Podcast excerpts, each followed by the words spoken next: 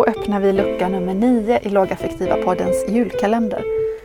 Och där hittar vi ordet kontrollabilitet som handlar om eh, frågan om kontroll.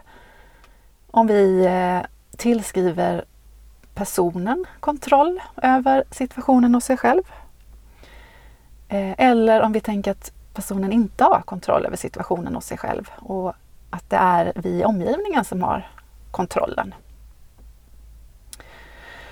Eh, så det här är någonting som eh, går in i gårdagens avsnitt om självkontroll. Det har visat sig eh, att när vi tänker att en person har kontroll över situationen och sig själv, då blir vi mindre hjälpsamma i omgivningen. Och det är ju rätt logiskt.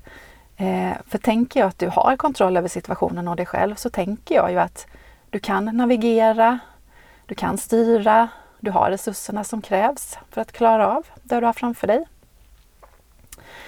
Eh, och om eh, vi tänker att personen inte har kontroll över situationen och sig själv eh, så tenderar vi ju att använda vår empati mer och blir mer hjälpsamma och försöker klura på vad skulle jag kunna göra för att underlätta för personen, för att hjälpa henne att få kontroll över situationen och sig själv igen.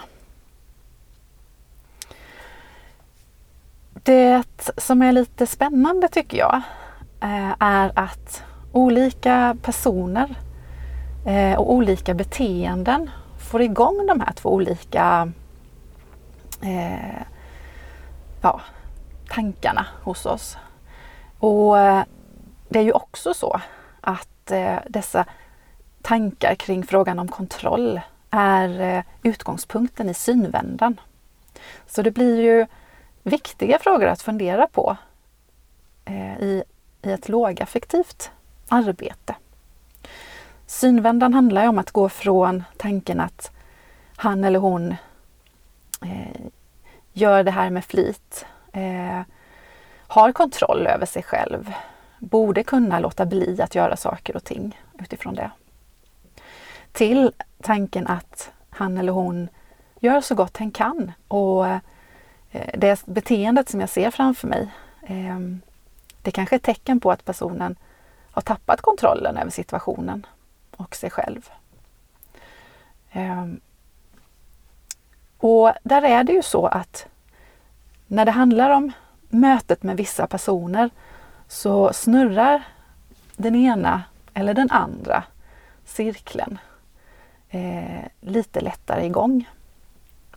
Till exempel ett litet, litet barn. Eh, då snurrar ju cirkeln med utgångspunkten i att han eller hon har inte kontroll över sig själv och situationen eh, i så många avseenden och behöver mitt stöd och min hjälp Medan en eh, vuxen medelålders person, eh, där kanske snarare cirkeln snurrar igång som har utgångspunkt i att han eller hon har kontroll över situationen och sig själv. För det är ju kanske vanligast att man har det i den, i den åldern. Eh, vissa beteenden snurrar igång den ena eller den andra cirkeln också, tycker jag mig se. Eh, gråt, när någon gråter, då snurrar cirkeln igång som har sin utgångspunkt i att han eller hon har tappat kontroll över situationen. Och behöver eh, mitt stöd och min hjälp för att eh, återfå kontrollen igen.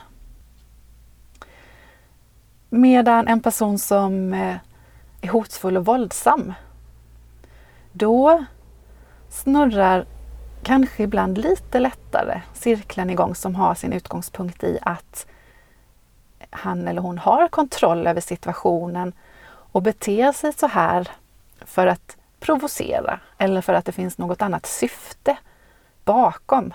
Det vill säga personen har kontroll över situationen och sig själv.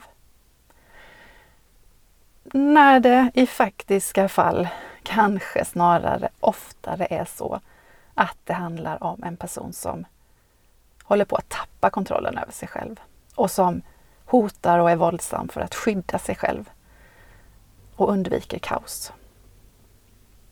Så det blir lite viktigt att fundera kring vad vi tänker om frågan om kontroll.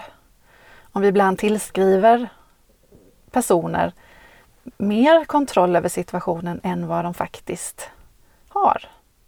Och att vi kanske oftare skulle utgå från att vi kan behöva bidra med stöd och hjälp.